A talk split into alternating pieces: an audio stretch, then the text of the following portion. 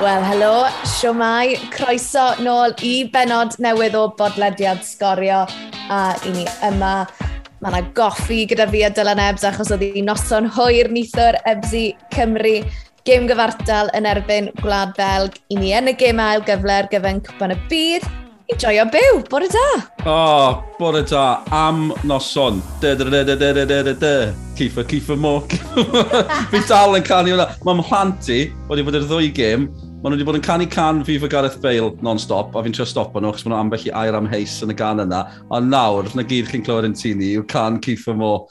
Briliant, am noson. A ti'n be, o'n i'n negyddol, da pil droed neu, fi jyst yn poeni dim yn negyddol, ond o'n i ddim yn siŵr os oedd y Cymru perfformiad fel yna yn y tank yn erbyn Gwlad Belg. Ni wedi wneud yn y gorffennol, a fi'n deall pan oedd pobl yn hyderus, ond tiod, diw, wneud yn y gorffennol ddim yn golygu bod chi'n gallu wneud y e nawr am berfformiad, Sioned am berfformiad a fi'n credu oedd wrth ystyried hefyd oedd lot o enwau mawr yn eisiau gyda Gwlad Belg, ond o dal oedd y tîm o dyn nhw a'r safon oedd ar y ca a'r ffaith fod chwaraewyr Cymru wedi cystadlu gyda nhw am 90 munud hefyd. Fi'n cofio meddwl, reit, yr ail hynny, reit, mae Cymru mynd i ddechrau blino yn feddyliol hefyd. Mae'n mynd i fod yn, yn ail hanner effernol o hir iddyn nhw, ond oh my gosh, just yr egni o dynw, a hefyd oedd oedd y dorf yn anhygoel, fel eich chi'n gallu clywed, fi wedi colli'n lais sheet yma bach ar ôl nithwr. Oedd hi jyst yn, yn noson special, special iawn. Ni'n licio ar yn erbyn gwlad fel, neu gen i? O, mae fe'n... Ydyn, ydyn, mae'r cefnogwyr yn, yn ymateb, bydd yr awyrgylch. Oedd ti'n iawn, oedd hi yn teimlo'n arbennig iawn, oedd hi'n fraint cael bod na wrth ochr y cae. Oedd e'n taro fi hefyd, ti'n mae boys fel yr hen benne, fel Ben, gan bod ni'n gweud pennau, wedi bod na'r blaen. Oedd nhw'n arwrol, Ben, Joe Allen, Aaron Ramsey, tiod, oedd fel sy'n wedi troi'r cloc yn ôl y ddau na yn ganol cael. Ond fain mor bwysig mae hwnna'n mynd i fod i boes fel Nico Williams, Dan James, Conor Roberts, Kiefer Moore, mae Kiefer Moore newydd sgorio yn ebyn Glad Belg. A, just, a Robert Page hefyd fel rheolwr, tiod, mae fe'n teimlo fel eiliad fawr iddyn nhw hefyd. Fi'n mynd gofio lle bod fi'n dal yn emosiynol ar y bore ar ôl. Na, mae fe, achos pan i ti'n a nes i sôn am wan i Rob Page pan o'n i'n cyfweld fe ar ôl y gêm, nes i just weid tyfod wrth feddwl y flwyddyn maen nhw wedi cael, be mae e wedi bod fe, be mae e wedi bod trwyddo o rhan hyfforddwr a wedi gorfod disgyn gloi iawn, wedi cael ei roi mewn sefyllfa ble tywed, oedd e, e yn fater o, o sync o swim os licych chi, a'r ffaith bod nhw wedi rhoi'r fath nhw o berfformiad yn erbyn tîm gorau'r byd, o ran detholion FIFA ar hyn o bryd. Mae ma fe jyst yn, yn dyngos faint o glod mae Page a'r tîm hyfforddi yn, yn hyddi. A ie, yeah, dig diwrnod i fynd nawr, tan bod yr enw'n cael ei tîm mas o'r et ar gyfer y gêm ail gyfle. Pwy ti moyn, Dyl? Ie, yeah, fi ddim yn gwybod. Um, Felly, reit, so, well ni esbonio unwaith eto. Ac ni siarad, ys i ar cym os am dro bod yma, ni siarad â rhywun yn y parc, oedd wedi bod yn y gym, a y cwestiwn cyntaf, felly pryd byddwn ni'n gwybod os ni gatre yn y byd o? A ni fel, nag chi'n cael yn bwyntio. Ni gatre, na pan mae pawb yn mynd yn nuts ar ddiwedd y gêm neithiwr. Felly, ni'n gwybod pwy ni ddim yn gallu chwarae'n erbyn, sef rhai ni sydd wedi cael ei dethol. A rhai sydd ddim wedi cael ei dethol, y posibil roedd Glad Pwyl, fo, dim diolch, Robert Lewandowski, a ni wedi cymryd lle Glad Pwyl fel detholion. Mm. Felly, mae pethau mor rhyfedd. Glad Pwyl, Austria, Awriniaeth Siec, Ukraine, Twrci neu Gogledd Macedonia. A ni pawb di ystyru gogledd Macedonia, ond sy'n credu dylen ni. Ond o fewn am rheswm. Dwi'n yn gwybod, heblaw glad pwyl, fi ddim yn poeni gymaint o hynny. Falle bod fi'n ddoli wneud hynny, achos mae pawb yn gweud mae Cymru well neu fy'n yn gledydd mawr, a maen nhw newydd profi hynny eto neithiwr. Ond mae'r gledydd na i gyd yn gwledydd mawr, ond ni wedi chwarae Twrci, ni wedi dylen ni wedi ennill nefyn o'r un y siec yn ddiweddar yn o'r un y siec. Sa'n gwybod? Falle mae osgoi glad pwyl beth ti'n meddwl? Osgoi glad Pwyl yn bendant. Bydde rhywun fel Twrci nitha neis, achos y perfformiad na geithon ni yn erbyn nhw yn yr Euros hwnna oedd perfformiad gorau tîm Rob Page yn yr ymgyrch yna. Felly, ie, yeah, Twrci. Ond... Na gyd sy'n poen i fi am Twrci. Allan o ddim bod mor wael eto. Oedd hwnna fel, tiod, oedd fel, o, be nawn ni? Nawn ni adael i Aaron Ramsey a Gareth Bale neu beth bynnag maen nhw eisiau am 90 munud. Oce, okay, diolch yn fawr Twrci. Ond ie, yeah, no, mae beth yn gyffredinol hefyd. Ni'n drafod mwy am, am ar ôl ni'n glywed ymateb ar ôl y gêm, oedd Gwennon Harris a John Hatton dy fi wrth ochr y cae. Ond pam ti'n meddwl am, tiod, dial, mae yna bwyntiau mawr o ran revenge ym Hale Droids Yeah. Tio, mae dyn ni Portugal ar ôl rhwng gynderfynol yr Euros, a er dwi'n ddim yn teimlo fel dial, achos tio, Portugal un nhw. Rwysia ar ôl y gemau ail gyfle ar gyfer Euro 2004. Pidwch dachrau fi am yr Alban, faint o bwyntiau. tio, pwy meddylia cael gem ail gyfle yn erbyn yr Alban i fynd i gwpan y byd ar ôl popeth sydd wedi digwydd i Gymru yn erbyn yr Alban yn ceisio cyrraedd cwpan y byd. Mae hanner o fi yn meddwl, dda ni mor sal gyda nerfau, a meddylia ennill yn erbyn nhw. allan ni anghofio am braich Joe Jordan a 85 am byth wedyn ni. Bydde fe'n um, banish your demons, mae Saeson yn gweud na gyfer. Am gyfle bydde hynny. Um, o'n i wrth ochr y cae, o'n i'n clywed lot, chos oedd yma o hyd gan David Iwan yn blastio dros yr uchel seinydd, gwych, hoff iawn o, o hynny, oedd John Hatton yn Gwenyn Harris gyda fi hefyd. mae'n ddiddorol, John. Boys fel Joe, Aaron Ramsey, maen nhw gyd i bod mor blaen, ond maen nhw'n heneiddio, mae'r coesau na ddim mor ffres a goedden nhw. Ar y degau heno, oedd e fel sy'n nhw wedi troi'r cloc yn ôl.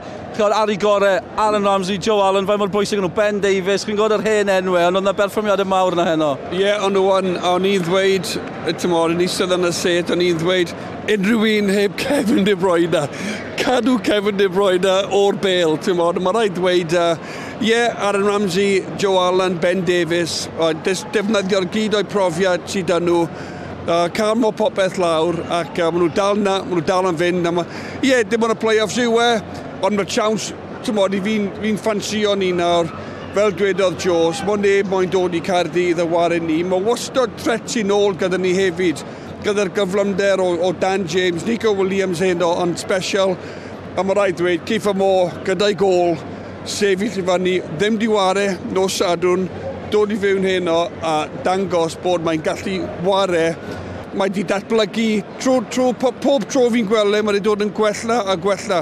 A beth mae'n neud nawr i sgorio golau mawr golau pwysig dros i wlad. Ie, yeah, gath y Cedyn Melin, oedd pawb panico fel bod wedi cael ei wahardd eto. Mae ddim mas, mae mas. Mae emosiwn wedi cael ni drwyddi, mae awyrgylch, ond mae yna dactegau. Chi ddim yn cael gym gyfater yn Gwlad Belg ar emosiwn yn unig. Beth ath Robert Page yn iawn heno, Gwenan? O fe wedi, yn y ail hanner, ond wedi gwthio Ramsey bach yn uwch a wedyn oedd hwnna yn, yn stopio'r Belg jyst yn chwarae gwmpas ni achos pan o'n i yn gwasgu oedd fwy o chwaraewyr yn uwch lan y cae so Yn y hanner gyntaf, oedd un yn mynd, ond oedd gapio wedyn achos oedd y, llall, oedd y lleill rhy bell i ffwrdd.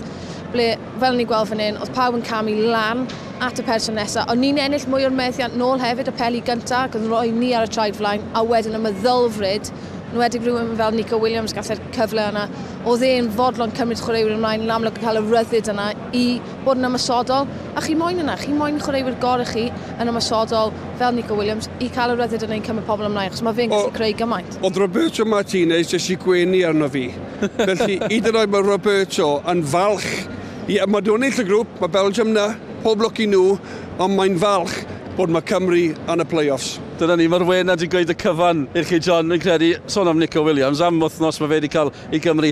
Dewch chi ni edrych ar y sefyllfa'r gemail gyfle unwaith eto. Ni wedi bod yn ceisio proffwydo gymaint dros y dyddiau diwetha. Mae'n braf cael sicrwydd a dyma'r olygfa braf i Gymru yn y gemail gyfle. Deuddeg gwlad i gyd, felly mae dwy wlad ychwanegol di mynd drwodd o Cyngor y Cenedloedd. Yw'r uniaeth siec yw un o'n nhw, Austria yw'r lleill. Felly, o'r gwylodion na, pwy'n eisiau ysgoi, falle dylai fod y cwestiwn Gwennan? O, bys ni ddim moyn Bys ni ddim yn chwarae pwyl yn, yn personol, jyst o ran Lewandowski, mae fe, ti'n rhoi un cyfle i fe, mae fe'n mynd i sgorio, ond mae ma chwarae unrhyw un yn mynd i bod yn anodd. Nid chwarae gwlad Belgi fod yn dig, nid a chwarae'n dda. A'r ffaith bod ni gatre gyda'r jyst y wyrgylch yma, fel wedi si, fydd neb, fydd neb yn ffansio dod fan hyn, allai gweud hwnna'n sicr. Gwenan Harris yn barod amdani John Hatton hefyd. Oedd gret cael ei cael eu cwmni nhw. Oedd hi'n rhyfedd bod wrth ochr y cair diwedd Sioned. Dwi'n cofio droes i rownd i edrych, a ti'n sefyll na'n disgwyl holi Kevin De Bruyne, o jyst yn sefyll na'n neb yn clywed yn byd, achos oedd y maw hyd gan David Iwan yn blastio rownd y stadiwm. Ie, yeah, ges i sioc anferth. O'n i genuine i'n meddwl bod wedi dod draw at ni fel camgymeriad, achos dath De Bruyne draw yn syth ar ôl i'r chwifan ola fynd. Ni'n edrych yn y fe, ni just fel, Helo! Helo, um, ba, bach yn starstruck, siwr o fod nid y cyfweliad gorau i fi di wneud. Wel, o'ch chi'n methu clywed yn byd. Fi'n fi, chi gweld e'r gemau uh, e, ar teledu weithiau, pan chi'n gweld chwaraewyr yn anodd clywed, yn pwyso ymlaen, a dim ond eithaf nath e daro fi.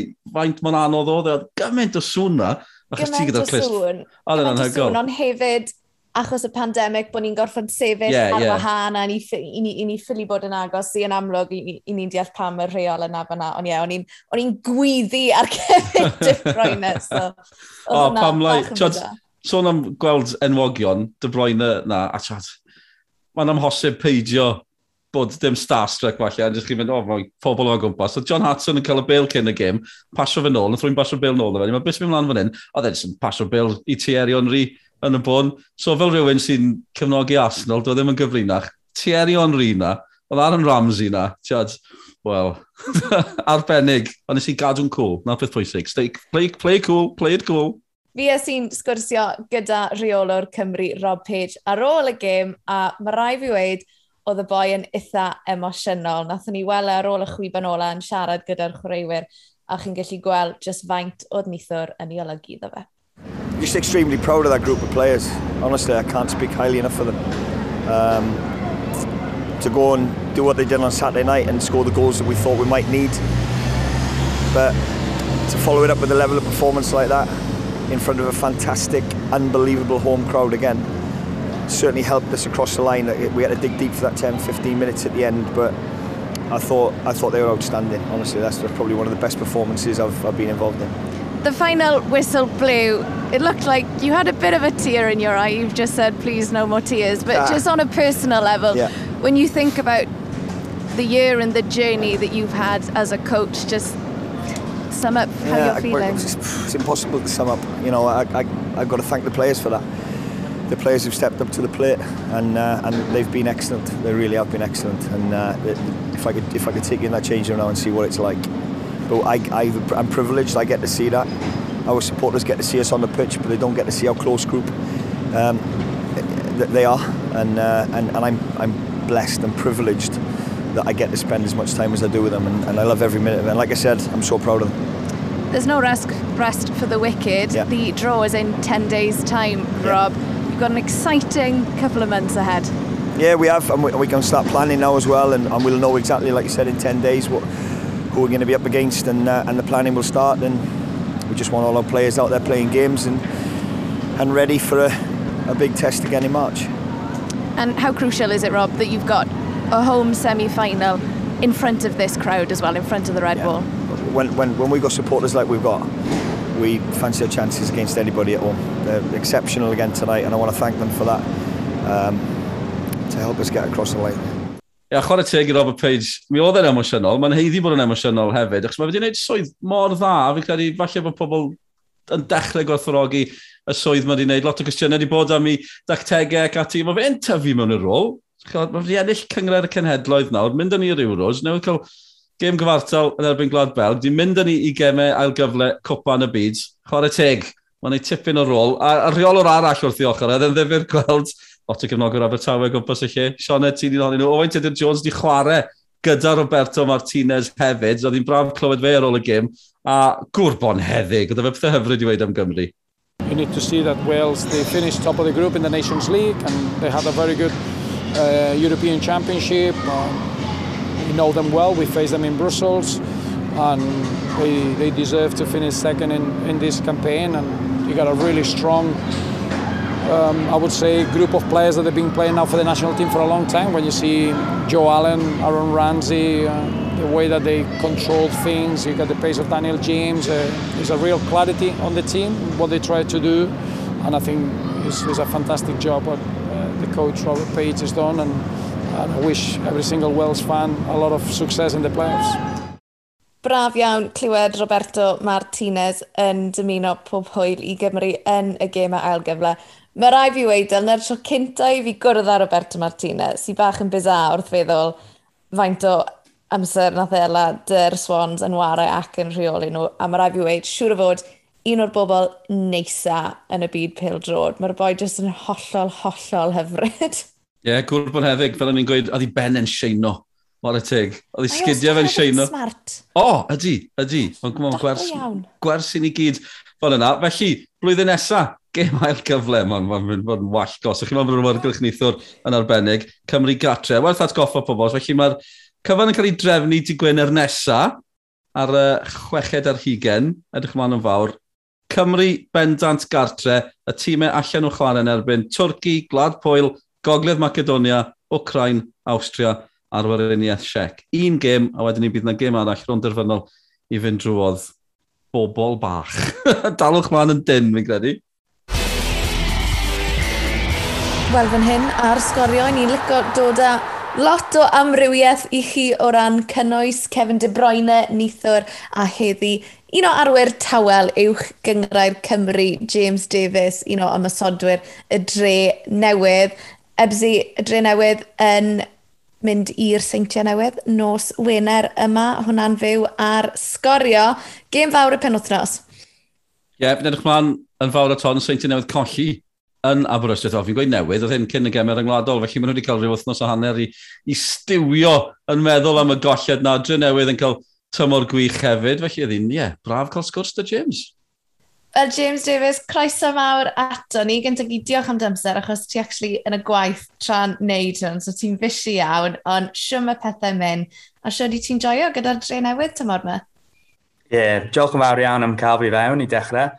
Ond, um, yeah, mae popeth yn mynd yn dde. Dyna ni wedi dechrau tymor am really dde. Dyna ni'n hapus iawn efo sut dyna ni wedi dechrau a yn hapus lle dyna ni yn y tabl hefyd. Um, ni'n eistedd yn trydedd. A, wel, mae gen i gêm galed di Gwener yma, ond dyna ni just yn hopio dyna ni gallu dal ati trwy gydol o tymor. O ti'n sôn am y gêm, allwn ni fod yn syth at honna, achos y seintiau newydd wrth gwrs, ie, yeah, dyn nhw ddim yn dod lot mwy caled na gêm oedd eu cadw yn y seintiau newydd, ond maen nhw wedi colli'n ddiweddar, James, ti oed, sef hwnna'n rhoi bach o obeth beth oedd y boys yn siarad am yn ymarfer wythnos yma. Edrych ymlaen at y gym? Ie, yeah, dyn ni edrych ymlaen. Um, Tamed o obeth, ond mae ma na oes hefyd y siawns fysa nhw jyst eisiau um, taro nôl ar ôl y colled, so falle fo'n amser ddrwg i actually chwarae'n erbyn nhw. Ond ie, um, yeah, dyn ni'n mynd i mynd yna trio wneud beth dyn ni gallu a gweld beth sy'n digwydd i fod yn onest. Fi'n cofio, oedd pawb yn sôn am dre newydd fel bogey tîm i'r, ir seintiau newydd, a, a dwi'n siŵr pam ar un adeg, achos oedd y stats ddim quite yn cadarnhau yn ni, ond oedd pobl yn ystio, chi oedd y bogey tîm, yw hwnna wir?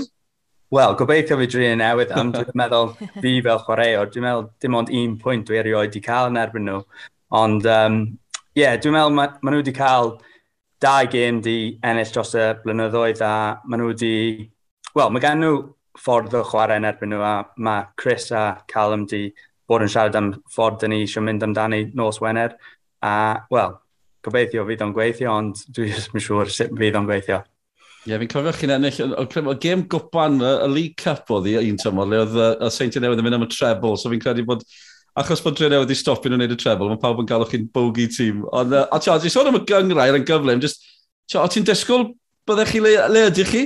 mor uchel yn y gyngrair, mae'n ma, ma, ma ffantastig dy drwy newydd. Ie, yeah, dwi'n meddwl o'n i'n disgwyl bod lle denu, ond, um, wel, oeddwn ni'n siomedig iawn efo tymor diwetha i ddechrau, achos oedd pawb yn dweud mae Dre newid i seinio chwaraewyr da a fydd nhw yna, ond, wel, amser yn odolig oedd ni lawr yn y relegation zone, a oedd ni just ddim yn chwarae yn dda iawn, oedd ni'n cysidio lot o goliau a ddim yn sgorio gymaint, ond Dwi'n meddwl ail hanner y tymor ddari ni really troi ar rownd, a wedyn, obviously, wneud cael y safle yn Ewrop. So, oedd pawb yn hapus yn y diwedd. A wedyn, oedd o just yn, wel, mynd â hwn ymlaen i tymor yma, a da ni wedi dechrau'n really dda. Um, so, ie, yeah, da ni gyd yn hapus efo lle da ni ar y foment, ond mae dal yn gynnor yn y tymor, a mae yna dal lot i chwarae i, yn enwedig cyn Ionawr a, wel, i cael y chwech llefydd uchaf.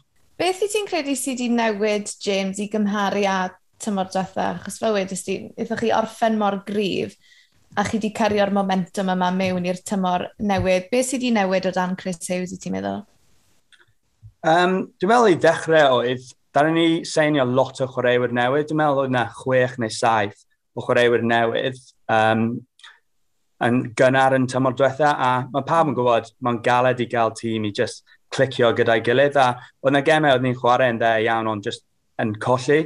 A oedd ni, oedd ni definitely yn considio gormed o goliau. A chi ddim gallu mynd mewn i gemau a considio 3, 4 a wedyn cael 3 phwynt. Oedd just ddim yn digwydd. So, yn ystod um, mis Ionar, ddaru ni dod a Shane Sutton nôl, Callum Roberts nôl, a ddaru ni'n gwneud gwahaniaeth enfawr i ni, achos o'n ni'n ennill gemau un dim, dau dim, a just ddim yn considio'r goliau eto. So, dwi'n meddwl, oedd hwnna'n dechrau dda iawn. A wedyn, dwi'n meddwl, drwy gystod y tymor wedyn, dyn ni wedi seinio chwaraewyr eto sydd wedi cryfhau ni, ond dim 3, 4, 5, just un neu ddau sydd wedi dod fewn a newid y tîm tam y bach. So, um, yeah, dwi'n meddwl, mae hwnna wedi gwneud gwahaniaeth. Ddim trio dod â gormod o chwaraewyr i fewn, ond pwy dyn ni wedi dod i fewn, dwi'n meddwl maen nhw gyd i cryfau ni rhaid i sôn am Aaron Williams mewn fyna felly. So, mae fe wedi gwneud yn ffantastig. Oedd ymlaen ni ar y pod hefyd. Um, ffwmpa, mwan dwe, fi'n gwybod e gyda dre newydd, ta beth. Ti, wedi, mae bach o'r uh, firepower yw'r term yn Saesneg. Nag efe, dre newydd eich yn beryglus iawn yn uh, ymosodol tymor yma. Ie, yeah, da ni dechrau yn really dda, fel chi wedi dweud, Aaron Williams, mae oeddi, wel, dwi'n meddwl mae wedi sgorio 21 tymor yma yn barod, a oeddwn ni really yn wel, o'n ni angen chwaraewr fel yna, a dyna beth ni wedi seinio fel number 9 enfawr, fel chi wedi dweud. A mae o'n, wel, mae'n helpu'r tîm, ond y peth fwyaf pwysig, mae o'n sgorio goliau, a chi ddim yn ennill gemau heb sgorio goliau. Fel chi wedi gweld, mae fo, Declan McManus, Mike Wild, maen nhw gyd i sgorio lot o geliau, a mae tîmau fel yna yn ennill gemau. A pan mae gen chi chwaraewr fel yna yn eich tîm, mae gen chi siawns pob wythnos. A wedyn fel chi wedi dweud, ffwmpa, mae o wel, mae o'n lightning yn dydio. Mae'n ma neud pethau. Mae o'n, um, wel, fyswn ni ddim yn licio defendio yn erbyn o anyway. A, wel, mae yn trein ni gyd yn gweld be mae'n gallu neud a mae'n dod efo fewn i gemau rwan hefyd. So, Ydy, chi'n anghofio bod y boys mae'n ifanc hefyd yn cyrraedd wedi bod gyda clybiau fel ymwythig. Mae'n siŵr na'n cyfnod amser dyn nhw, dyn nhw setlo ac ati. Hefyd, mae'n rhaid fi weid, chi'n edrych bod tro fi'n sylwebu ar y uh, gemau dre newydd. Ni'n neud y stats o ran uh, ymddangosiadau, o sawl gêm y pobl di chwarae yn y gyngred. Mae amddiffyn dre newydd yn, well, insane o ran appearances yn uwch gyngred Cymru. Ti Craig Williams, Callum Roberts nôl yn nawr, Shane Sutton, Kieran Mills-Evans. Mae'r profiad sydd ar pedwar na. Fe, fe mor bwysig yw hwnna i'r tîm chi? Ie, yeah, mae'n bwysig a bechgyn lleol hefyd sydd maen nhw'n gwybod be mae fel i chwarae adre newydd. So, os, ni, os maen nhw'n amddiffyn fel maen nhw'n gallu, a dyn ni'n cadw, cadw fwy o clean sheets, a wedyn maen rhyddhau ni tu fyny wedyn i mynd i sgorio goliau. So, fel chi wedi dweud, mae gen nhw llawer o profiad. So, os maen nhw'n cad, well, cadw'r bel allan o'r prwyd i ddechrau, wedyn mae gen ni siawns, achos ar y counter, dyn ni, gobeithio fydda fi neu ffwmp yn gallu neud rhywbeth a pan mae um, Aaron yn y bocs, mae, mae o'n sgorio goliau. Faint i chi'n mwynhau tymor yma? Achos i ni'n sôn lot o ran dyw pethau ddim di mynd cweit fel o'n i'n disgwyl. Mae Cey Conad ddim di wneud mor dda. Mae, mae Flint lan y top i chi'n cystadlu um, gyda'r goreion hefyd. Fel chwaraewr, mae rai bod hwnna'n gyffroes iawn i waren dda, achos i chi mynd i bob gêm, fel, we, fel welon ni, Aberystwyth ar Seintiau, gall unrhyw beth ddigwydd mewn 90 munud.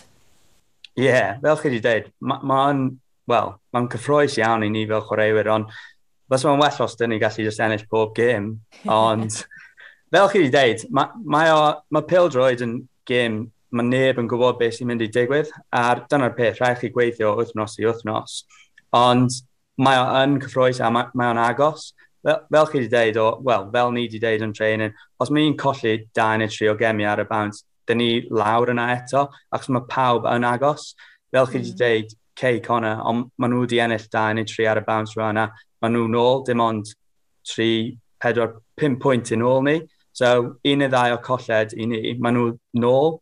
A oedd pawb yn dweud, wel, maen nhw, wel, oedden nhw lawr yn agos i'r relegation zone ar un bwynt.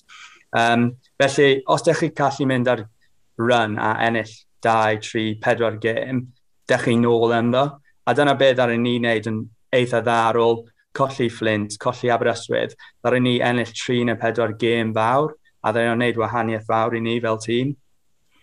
Ie, yeah, mae'n anhygol pan chi'n edrych at adeg yma tymor diwetha, ti'n 10 pwynt o dadre newydd, o'ch chi reit lawr yn y gwylo meitha tebyg, i le oedd Cei Conna, fel ti'n gweud, maen nhw wedi newid i.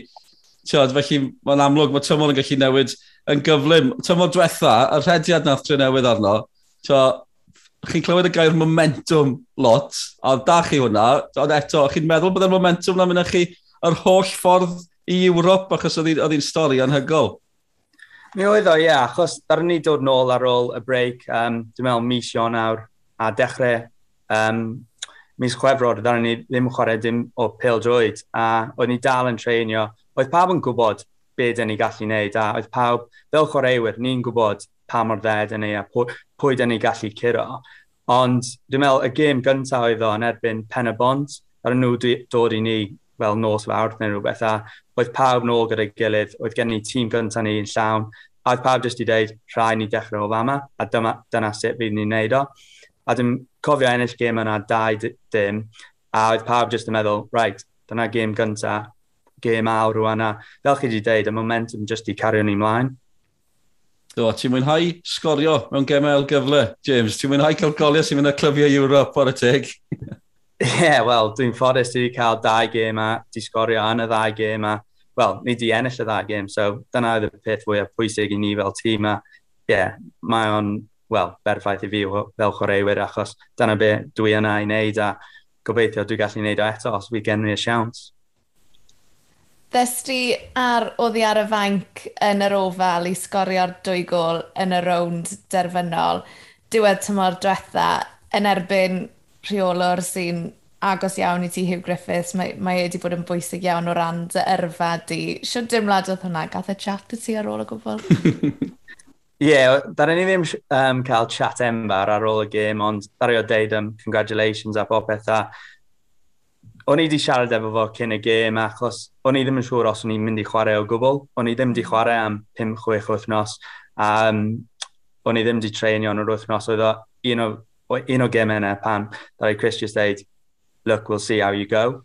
A wedyn na reo dweud, o, ti ar y fain ceddiw, um, a just gweld beth sy'n digwydd. A pan ni dau un i fyny, o'n i'n ar yr ochr yn barod i dod ymlaen, a nhw, nhw dweud, o, James, tro ti rwan, dewch, dyma, dyma be ni eisiau wneud. A oedd na gaps yn dod, so o'n i'n meddwl ar y counter oedd gan nai siawns. Ond wedyn, da ni'n mynd 2-2, 3-2, ac yn syth o'n nhw fel, oh god, beth sy'n digwydd yma. so, um, o'n i syth ymlaen wedyn, a ie, yeah, yn ffodus fel chi wedi dweud, dar i sgorio 2 a wedyn creu y, y pumed. So, um, yeah, oedd o'n gêm, eh? gêm anhygol, really, gwylio. A dwi wedi gwylio fy nôl. Gwych ti yn mwynhau gwylio'n yn ôl felly. A ti ti'n mwynhau beth sy'n brofi i'w Ewrop wedyn ni. Ni'n ni, ni, ni gyfyn ffas am clybiau'n cyrraedd Ewrop. Ni'n ni holi chi gymaint am profiad y chwarae yn Ewrop. Ti wedi mwynhau y profiad yna, ti wedi cael gyda derwyddon, ti wedi sgorio yn Ewrop wrth gwrs. Sut beth yw e? Ie, yeah, mae'r profiad yn gret. Fel, wel, chi ddim, just, ti ddim yn teimlo fel, fel chi'n chwarae pel droed, achos chi'n mynd allan yna dau neu tri o diwrnod cyn, a chi yna fel tîm. A mae o mae o fel bod yn professional i fod yn onest. A, uh, wel, dwi byth di bod yn chwaraewr professional, so dwi ddim yn gwybod sut oedd o, so mi oedd o just yn, well, holiday fach, really, a wedyn chi'n chwarae pildroed i topio fo gyd i fyny. Fantastic. Swnio'n wych. O'n i'n gwybod bod y bywyd fel pildroediwr yn wych. a beth am uh, Hugh Griffiths? Achos mynd y ti y derwyddon, Tiod, le, le o ti cyn na ni? O ti'n chwarae gwmpas y, y cyngreiriau is ac ati? Le nath Hugh spotio ti? Nes ti sgorio hat-trick yn erbyn y dirwyddon i fyna beth uh, nath ddechrau'r cyfan? Do, ie. Yeah. So, o'n i wedi chwarae i... Wel, o'n i'n chwarae i Llanfer a o'n i wedi chwarae 5 o 6 o blynyddoedd fanna. A y tymor cyn oedd y derwydd yn, yn y Cymru Alliance efo ni. Um, so, o'n i wedi chwarae yn erbyn nhw dau o gemau tymor yna. A dar fi cael chat bach efo'r derwyddon yn diwedd tymor yna. Ond yn y diwedd, dar i Carnarfon ddim fynd i fyny a dar, derwyddo mynd i fyny, ond ddaru nhw dechrau'n ail. A pan es nhw fyny, ddaru fi ddim siarad efo nhw eto. Ond o'n i'n ffodus iawn, actually, ddaru ni... Um, Wel, ddaru llawer chwarae derwydd yn, yn y Cwpan Cymru. A ddaru nhw dod i ni a... Wel, oedd y pitch ddim yn dda iawn ar y diwrnod i fod yn onest. Ond um, ddaru ni chwarae'n really dda a ddaru ni ennill y gêm 4-1. A ddari, fel chi wedi dweud, ddaru fi sgorio hat-trick yn gêm yna. A ar ôl gêm yna, ddaru hiw sôn tam y bach i fi a dweud, wel, gobeithio na eich siarad efo chi yn, y, yn yr haf, a dyna sut etho. So, yn unwaith ar y tymod diwedd o ddod i dweud, James, dwi eisiau cymryd ti fewn, dwi eisiau gwneud hon, hon, hon, a o'n i ddim yn siŵr i fod yn onest, achos o'n, on i ddim, wel, o'n i byth i chwarae yn y uwch gyngrair, a o'n i ddim yn gwybod faint o gwaith o'n mynd i fod, a efo gweithio tu allan i, i pildroed, o'n i just ddim yn siŵr be oedd o, ond unwaith i, dar fi fynd i fewn a siarad efo hyw, dar fi seinio yn, yn unwaith i fod yn onest. Just o ran, so ni sôn bod ti wedi dod o glwb fel Llanfair, tiad, beth am yr ardal o ran pildroed, tiad, clybiau fel Carno ac ati, achos fi'n gyrru lan i gogledd, fi'n caru, ti'n mynd Llaned Loes, Caersws, Carno, ti'n pasio'r ceie pildroed ma, pa fath o ardal yw i o ran pildroed? Mae'n lot o timau, e, i fod yn onest, a dyna'r peth fwyaf, wel, anodd dwi'n meddwl amdani, achos mae yna lot o timau e gyd o amgylch i gilydd, mae chwaraewyr yn symud o gwmpas. Mae gen chi timau e fel Llanfer i fod yn onest, mae, mae tîm yn aros gyda'i gilydd. Mae pawb yn mynd i ysgol uwchradd Llanfer a maen nhw gyd yn aros yna a jyst eisiau chwarae'r tîm. Ond wedyn mae gen chi timau fel Carno, Cersiws, mae chwaraewyr yn symud, so fel fel manager, dwi'n meddwl fydd o'n galed iawn i actually dod â tîm gyda'i gilydd, ond mae yna lot o pobl o, o amgylch a mae pawb yn hoff iawn o chwarae pildroed. Fel chi wedi dweud, Carno, dyna lle ddara fi dechrau, a wedyn ddara fi symud o fanna i Llanfer. So, um, yeah, mae'r pildroed yn yr ardal yn enfawr a mae pawb yn hoff iawn o, o, o i, i gyd.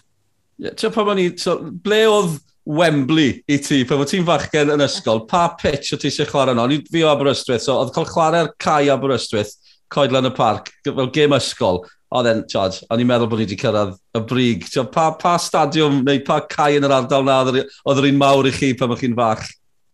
Wel, dwi'n byw yn meifod a, um, so o'n i ddim yn bell o Llans yn Fraid a pan o'n i'n bech oedd TNS yn chwarae yn Llans yn Fraid. So, mi oedd hwnna'n lle enfawr i ni fynd a pan o'n i'n chwarae i ysgol, dar fi'n mynd i ysgol uwch ar Llanfallin. Um, so mi oedd na cae yna. Ond pan o'n i'n deg neu ar deg, o'n i yn chwarae am wythig. So just i mynd i'r um, gay meadow, e, oedd hwnna'n, wel, oedd hwnna'r lle o'n i eisiau mynd a chwarae. Ti sôn am Sian San Ffroed fyna, Tio, pam ti'n meddwl am popeth i gwyddoedd i'r clwb na, clwb bach pentre, Tio, mae Mike Harris yn dod mewn, fi'n cofyn nhw'n ennill Cwpan Cymru, a wedyn nawr wedi symud i Groes Oswaith. Mae'n rhyfeddol, mae'r stori yn wallgo, rili. Really. A chi'n mynd i chwarae'r fersiwn newydd pen wythnos yma, sef y seintiau newydd.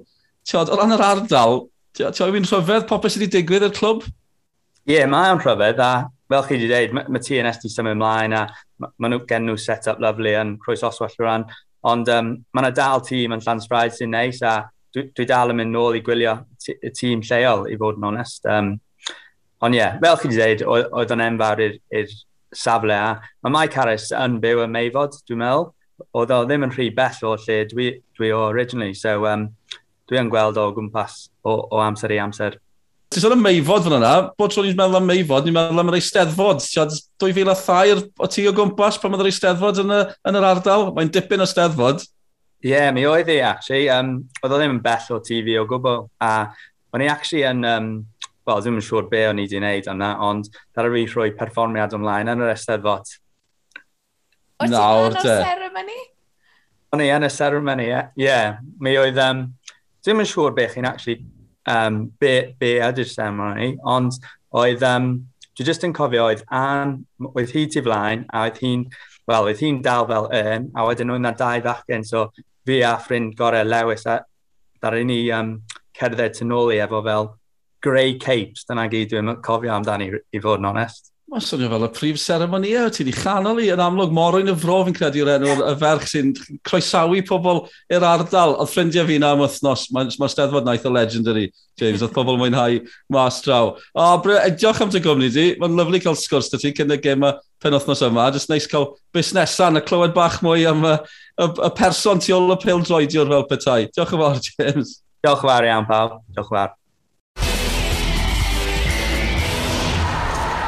Ni'n dysgu pethau mawr ar y podlediad yma. James Davis, pildroediwr i'r fri, sgorio goliau pwysig mewn y glybiau Ewrop, ond hefyd oedd e'n rhan o'n y seremoni mawr yr eisteddfod genedlaethol. Fi'n caru'r ardal na'n y canolbarth, Sean, er oedd e'n siarad am. Falle eich bod ni'n gyrru fyny'r gogledd, neu nôl awr y de, mor aml. Mae fel rhyw dim Bermuda Triangle, achos fi fyth ddim yn ar goll na, bydde fe'n hawdd gwneud, ond ti'n mynd Llanidloes, Caersws, Carno.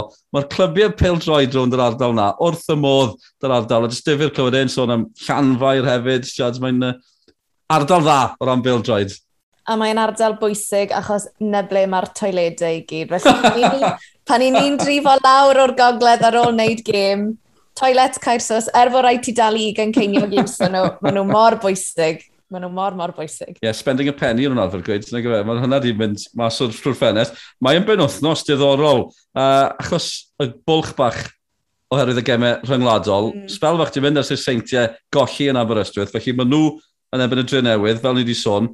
Sgemau pwysig bob man, Met yn cwrdd ag Aberystwyth, degfed ebyn unfed ar ddeg, lot o clybiau sydd y cwmpas i gilydd y chwarae, Cei Cona Pen y Bont, pumed yn erbyn pedwerydd, mae'n ddifur, Balan ebyn Flint hefyd, holffodd Cynalfon, mae Cynalfon yn gyrhediad gwael a Barry na byndyr fydd cefn wedyn ni yw'r gêm arall. Ond tiod, mae'n, fel o James yn gweud, mae pawb yn gweud bob wythnos, cwpl o ganlyniadau da, chi lan na, ambell i ganlyniad gwael, chi'n cael ei llusgo mewn i'r frwydr yn y gwylod, mae Aberystwyth yn ennill mewn y seintiau, di newid y darlun na yn llwyr, pan chi'n edrych ar y gwahaniaeth pwyntiau, chi'n mynd rhwng bala a Aberystwyth, 5 pwynt sydd na, rhwng chweched ac unfed ar ddeg. Mae'n uh, bach o scramble yn y canol na, mae yn scramble yn gwmwys, a mae Cey Conan enghraifft berffaith o hwnna, o'n i gyd twed, yn crafu'n pennau, meddwl, bydd iawn sy'n mynd o'i lef yna, maen nhw nawr yn bimed, pimed pumed yn erbyn pedwerydd, pan maen nhw'n croesawu pen y bont dydd sadwr, mae hwnna... Pwynt, maen nhw'n pwyntio pen y bont. O'n i'n tynnu lawr yn y gwirod. Ennill tair yn olynol, maen nhw'n pwyntio i pen y bont. Mae'n, ie, yeah, hwnna'n creu gobeith i bawb. Dwi dal ddim yn siŵr am y derwyddon, drion â nhw, dwi'n saes y diastyru nhw maen nhw wedi cael cwpl o gemau cyfartal yn 2 bwynt. Maen nhw, tiad, mae'n mae ffordd hir yn ôl, 11 pwynt tu ôl i Aberystwyth. Maen nhw'n 13 pwynt tu ôl safle diogelwch. Na i ddim gweud bod i ar ben, neu gael row. Ond mae'n mynd i fod yn anodd iawn iddyn nhw. A hefyd, mae werth nodi lawr yn y de ac yn y gogledd o ran y cyngreiriau is. Mae'n y gemau difyr cyntaf yn erbyn ail yn cwrdd yn y gogledd. Ebus yn erbyn cygydfa. Pedwar pwynt sy'n gwahanu nhw. Llandudno yn drydydd, maen nhw pedwar pwynt tu ôl ebys hefyd. Maen nhw'n gyfartal gyda Cygidfa, na beth fi'n trio gweud o ran y pwyntiau. Mae ail yn cwrdd y trydydd yn y de, um, Llanelltid Fawr, yn erbyn Llansawel, neu Llantwit Major, yn erbyn Britain Ferry. Ac o ran y brif adran Genero, cynta yn cwrdd ail gyda tîm merched Abertawe yn gwynebu tîm merched Cyrdydd. So mae hwnna'n mynd i fod yn gêm enfawr a i fi a Gwenan Harris yn mynd i fod yn edrych mlaen i'r penwthnos yna ar Gwenan a Sioned yn siarad ffwtbol fydd ar gael i wylio ar Sianeli sgorio nos iau. Ie, yeah, diolch yn fawr iawn am eich cwmni unwaith eto. Mae wedi bod yn wythnos rhyfeddol o gemau rhyngwladol. O'n i nôl i'r bar am enyn, sgorio yn y Seintiau Newydd nos Wener, Seintiau Newydd yn erbyn y Dre Newydd. A mae Cifo Môr o sgorio yn erbyn Gwlad Belg, mae fe'n mynd i Preston pen osnos yma. Trad ar y ddeiar. Byddai dal yn canu can Keith Mo, dwi'n credu. Sneb sy'n clywed fi'n canu. Well ni stopio fi'n credu, Sioned.